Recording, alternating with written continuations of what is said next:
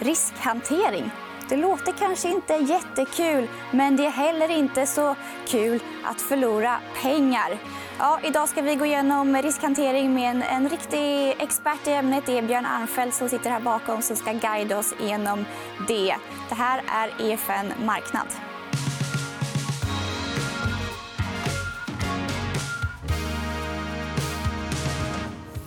Ja, varmt välkommen, Björn Arnfeldt. Varför är det så att risk inte är så kul?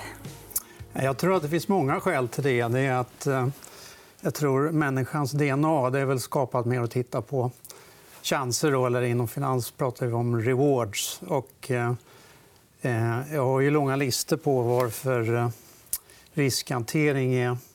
Det är ingenting du gör karriär på, till exempel om du sitter i en ledningsgrupp och betonar mer risker än, än chanser. Så men det kanske blir ändring på nu. för Du har nämligen gjort en karriär inom riskhantering. Du började som finanschef både på Boliden och på, på Shell. Och du har även varit vd i Apoteksgruppens pensionsstiftelse.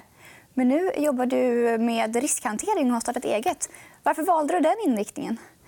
Eh, när jag blickar tillbaka på de eh, förvaltningsresultat som jag uppnått så, så min styrka var just reward.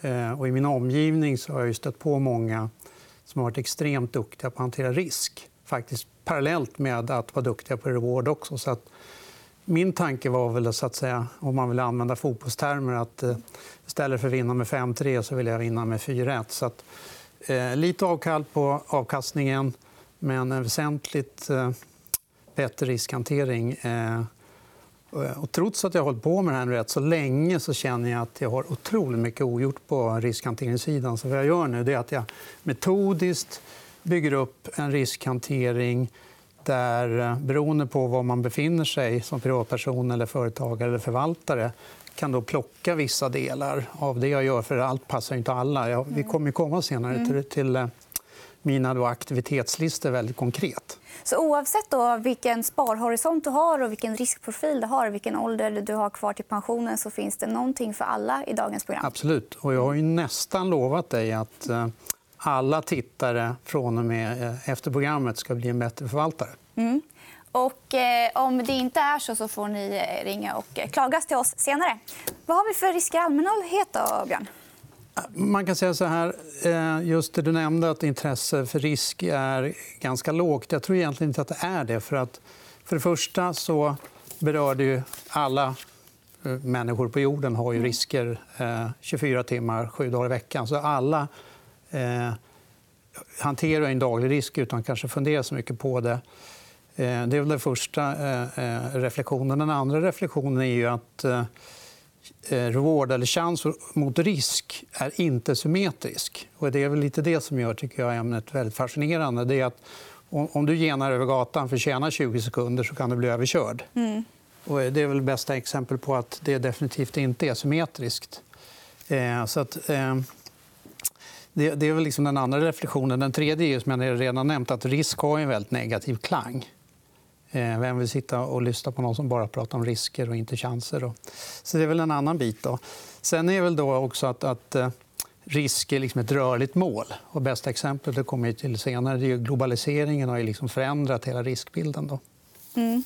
Och sen tycker jag också, och det kommer också komma till, att jag tycker folk generellt är väldigt dåliga på att hantera risk. Jag tycker centralbanken är dålig. Vår egen är dålig på att hantera risk. Jag tycker de flesta affärsbanker är dåliga på att hantera risk. Jag tycker att politiker är dåliga på att hantera risk. Jag tycker vissa småföretagare är dåliga på att hantera risk. Varför, varför, är det så? Då? Ja, men jag tror att det är att vi kommer från en bakgrund där vi, vi har inte befunnit oss i krig. Vi har haft en, en bra ekonomisk utveckling. Vi är bortskämda. Vi har liksom invaggats i en falsk säkerhet. och Det börjar sakta men säkert att luckras upp. Då. Så att, eh, budskapet här alltså, det är ju i första hand till placerare. Men om någon politiker tittar, så ta tag i riskfrågan här och nu. Mm. Och byter du plats på bokstäverna i ordet risk så hamnar du i kris. Ja. Eh, och vi är ju dåliga på krishanterare. Det tror jag de flesta kan skriva under på. Så att och vi ska komma tillbaka till den krisen vi faktiskt befinner oss i nu och hur man hade kunnat förutspå den och hur man hade kunnat skydda sig eh, för den. Men vi ska komma in på lite risker i kapitalmarknaden först innan vi går vidare och kollar på våra första grafer. Mm. Vad har vi för olika risker man bör ta hänsyn till?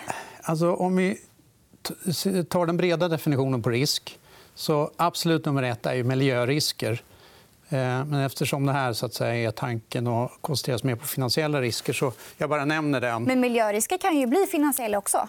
Ja, den är ju en del av, av analysen. Mm. Eh, men jag har liksom ingenting att bidra med utöver att man får liksom följa menar, man får ju läsa Rosling och man får följa de experter som finns idag. Så att, absolut så måste man ta det i beaktande. Det såg man ju på Davosmötet det senaste. Då pratade man med nästan bara miljö. Mm. Så att, eh, men om vi tar då liksom nästa steg.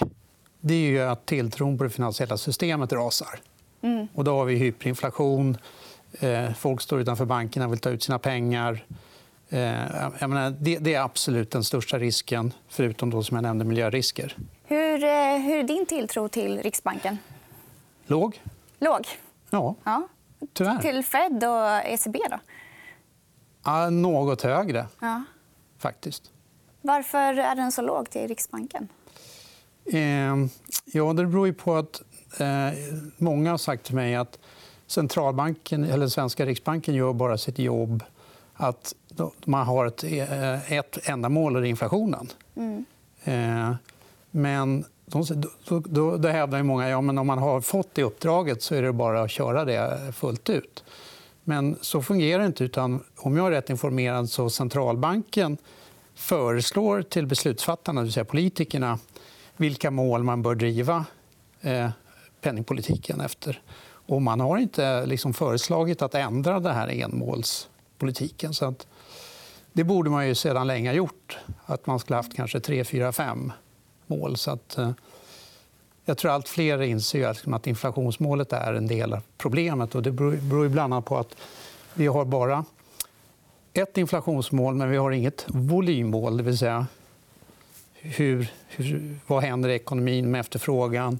Vad händer med tillgångspriser och så vidare? Jag tror att allt fler börjar liksom förstå nu att man borde ha haft fler delmål än bara ett. Då. Mm. Och sen så har vi politiska risker, traditionella finansiella risker och miljörisker. Miljöriskerna var vi ju inne på. men Om vi tittar på de mer traditionella riskerna... Vad, vad har vi för risker just nu, 2020? I marknaden? Ja, om du flyttar ner då från det här, så att säga, eh, nummer två som jag nämnde då, i form av att tilltron till penning, penningens värde och det finansiella systemet rasar. Det är den som då känns mest relevant att prata om nu. Det är global skuldsättning. Den har gått från 100% av global BNP till 300 så det har mm. gått. Och då är det som så att ökad skuldsättning per definition är inte alltid dåligt. Utan det man måste fundera på det är ju vart har pengarna tagit vägen. Har du investerat i utbildning och infrastruktur eh, och ett ökande eh, eget ägande för privatpersoner vad gäller boende och så vidare, då kan man ju säga att det kan vara befogat. Men den känsla jag har är att skuldsättningen delvis har gått till konsumtion. Eh, delvis fastnat i de finansiella marknaderna och i tillgångsmarknaderna. Och det är för lite som har sipprat ut i utbildning och infrastruktur och liksom en satsning för framtiden. Så att, eh... Men om vi, om vi... Så det, det är den jag liksom det är den som gör mig lite orolig. Men det, det, det, är kul att du är orolig över skuldberget och jag är jätteorolig över coronakrisen. Hör de ihop här? Nej, eh, så tillvida att det bara skuldkrisen kanske hade...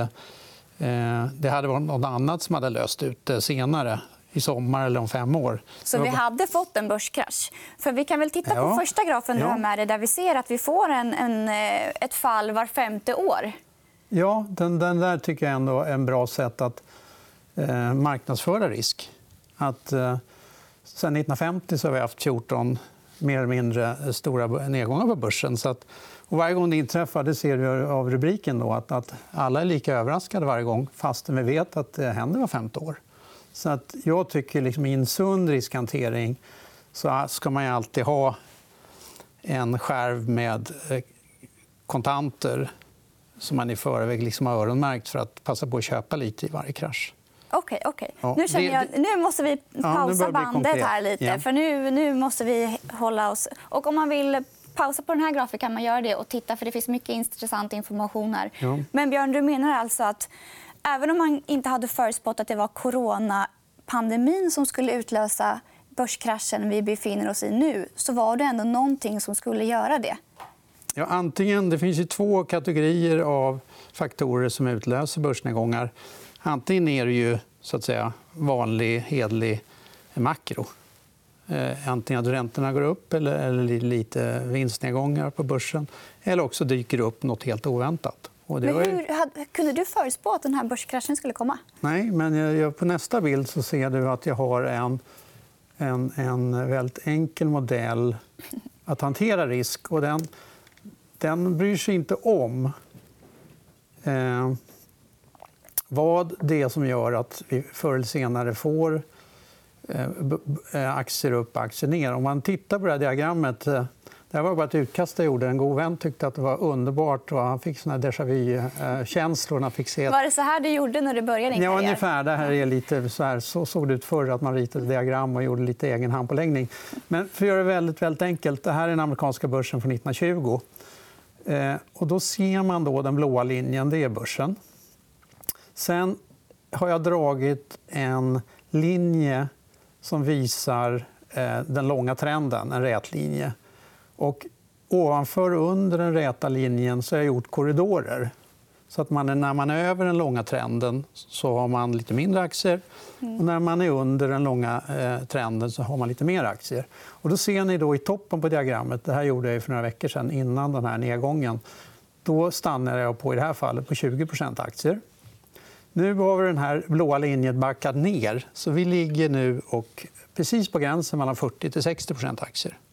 Så att, eh, tror man på den här modellen så ja, den handlar egentligen om att köpa billigt och sälja dyrt. Mm. Eh, jag ser bara en enda nackdel med modellen. Det är att det tar ju väldigt lång tid innan man får rätt. Mm.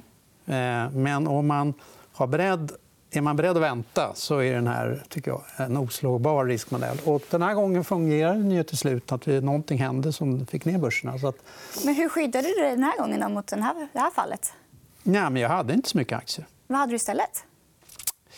Jag hade säljoptioner som jag hade köpt och köpoptioner jag hade sålt. Och jag hade lite high yield då, som med facit i hand inte var så bra. Och sen hade jag väldigt mycket eh, hyresfastigheter. Hur, hur skyddar man sig allmänt om man, om man gör den här modellen hemma sen ikväll och man ser att nu kommer en krasch om ett år? Här. Hur, hur ska man skydda sig mot en, en, en nedgång? Ja, det bör, vi kommer komma det till den här listan sen på eh, hur man kan hantera risk. Det beror lite på vad man har för ambitionsnivå. Eh, är man intresserad eller inte av att eh, exempel ge sig in i optionsmarknaden? Det är kanske inte alla som vill, eller kan eller bör. Men eh, enklast är ju bara att laborera med aktieandelen. Så det här är en, det här är en checklista på hur man blir bättre på att ja. hantera risken? Ja, vi går väl på den. då. Vi gör det på en gång. Ja. Ja. Man börjar med att ta, ta tag i frågan. Det är ja, alltså, nummer ett är absolut... Om man tror på det här att eh, riskhantering ger, ger resultat i det långa loppet så absolut nummer ett det är ju att bestämma sig för att nu ska jag ta tag i frågan. Ja, eh. Eh, och sen har jag ju långa, långa, långa listor här då på... Det är egentligen, jag tänker inte gå igenom allihopa, men... Eh... Nej, jag tycker ja. man kan använda det här som ett underlag på vad man ska checka fram. Vi har även en del två som vi kan också visa så, mm. så man kan spara den också. Om du visar bilden där så, så kan jag snabbt gå igenom några av dem. Mm. Mm. Och då har vi också att man ska... Tvingande beslut åt, eh, är sällan bra. Ja, låt den där ska ligga kvar, då, så ska jag ta, snyggt och fint gå igenom den. Ja. Så där. Om vi tar då, eh, tvåan. Så det här första ordet, om du tycker att risk är ett tråkigt ord så Nästa ord som är verkligen ett tråkigt ord är ju proportionalitetsprincipen. Då. Proportionalitetsprincipen den innebär att man... Eh, eh, alla delfrågor i riskhanteringen eh, eh, får man helt enkelt eh, sätta i turordning. Att om du har en delfråga, om du tittar på ett bolag vad påverkar börsvärdet med 1 miljard? Vad påverkar börsvärdet med 100 miljoner? Vad påverkar börsvärdet med 10 miljoner? Och vad är liksom småfrågor? Det är att man får inte ta alla problem, eller risker eller chanser och liksom jobba med alla parallellt. Utan man får ju liksom helt enkelt säga vad är viktigt, vad är stort. Och det blir oftast väldigt få frågor. Mm. Så man liksom inte blandar ihop stora och små risker Och det gäller inte bara bolagsanalys. Det gäller liksom man ska pinpointa vilka risker som finns och prioritera lite där? Då? Alltså, vad jag brukar göra är att jag försöker sätta en, en siffra på det. Mm. Då, när, exempelvis när jag jobbade på Apotekets pensionsstiftelse så eftersom vi förvaltade 11 miljarder så kan man säga en, en, en, den högsta epitetet på risk var 1 miljard. Och näst högsta blev 100 miljoner och 10 miljoner. Och när man har kommit ner på 10 miljoner då är mötena slut. Liksom. Då har det gått tre timmar. Så det gäller verkligen att rangordna riskerna. Så att, eh, förr kallade man det för cykelställsfrågor. Och det är lätt hänt att andra i cykelställsfrågor. Men jag, jag kör på den här snabbt också. Alltså, räkna, räkna, räkna. Det är viktigt om man ska hantera risker. Det är punkten tre. Punkten fyra är att man lätt fastnar i prognosträsket. Man gör prognoser.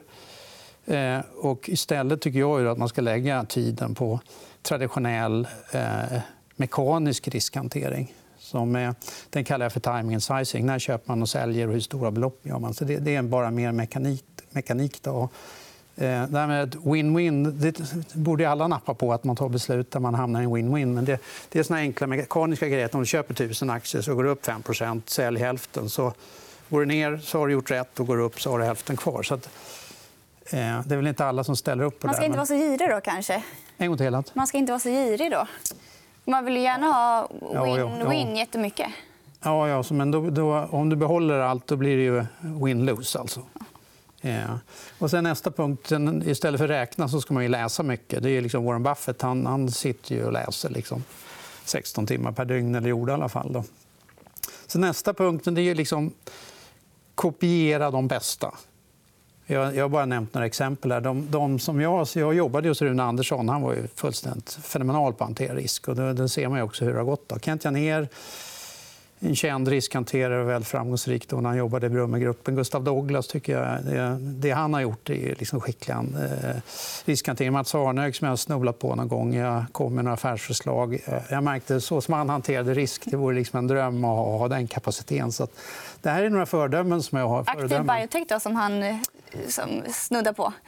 Ja, men alltså, det man får komma ihåg det är att resultat är inte samma sak som bra eller dålig riskhantering. Du kan ha ett väldigt högt resultat och vara dålig riskhanterare. Mm. Du kan ha ett lågt resultat och vara bra riskhanterare. Så man får aldrig titta på standardavvikelse på resultatet utan du måste titta på vilken risk tog jag för att hamna där? Mm. Så det är inte enskilda utfallen som egentligen är det viktiga utan det är processen och beslutsfattningsprocessen ja, Om du tänker att du köper en aktiefond som går upp 10,5% och index går upp 10 då får man inte dra slutsatsen att det var bra riskhantering. För då måste du titta på hur gjorde de för att slå index med en halv procent. de mm. kanske har tagit väldigt mycket risk samtidigt som någon annan har en 9,5% avkastning och har tagit halva risken. Så att man, får inte, man måste titta på, skrapa på ytan. Vad har de gjort för att gå sämre eller bättre eller tjäna pengar eller förlora pengar? Mm. Ja. Vad har vi mer? Då? Vi hinner med några till. Ja, teknisk analys. Eh, tycker jag är superbra. för Där hittar du liksom svarta svanar i diagrammen om du har tur. Mm. Så att det, teknisk analys som jag visade tidigare gör ingen skillnad på varför man bara ser att det är högt eller lågt. Eh, så att där kan man liksom hitta fallhöjd. Då. Eh, spelteori. Det, det, alltså man måste vara street smart. Street smart kanske inte har så gott renommé. Men att vara street smart kan i vissa lägen hjälpa. Så vad jag egentligen säger är att om du är bra på att hantera risk så, så du kan lite makro, du kan företagsekonomi, du, du kan bolagen. Eh, du kompletterar det med lite street smartness och lite teknisk analys. Så du plockar lite från alla, alla de här komponenterna och försöker väva ihop det i din riskhantering. Då. Eh, nästa punkt, eh, jag, jag kan ju dra igenom alla här, det är att förstå skillnaden mellan investera och spela. Jag har tittat på många bolag där fair value kan vara så brett som mellan 5 och 15 kronor så är kursen 21. Om man då köper på 21 då är det ingen investering. utan Då är det bara att ja, men det här kommer nog köpas av någon annan. så Det blir lite mer kedjebrev. Då. Mm.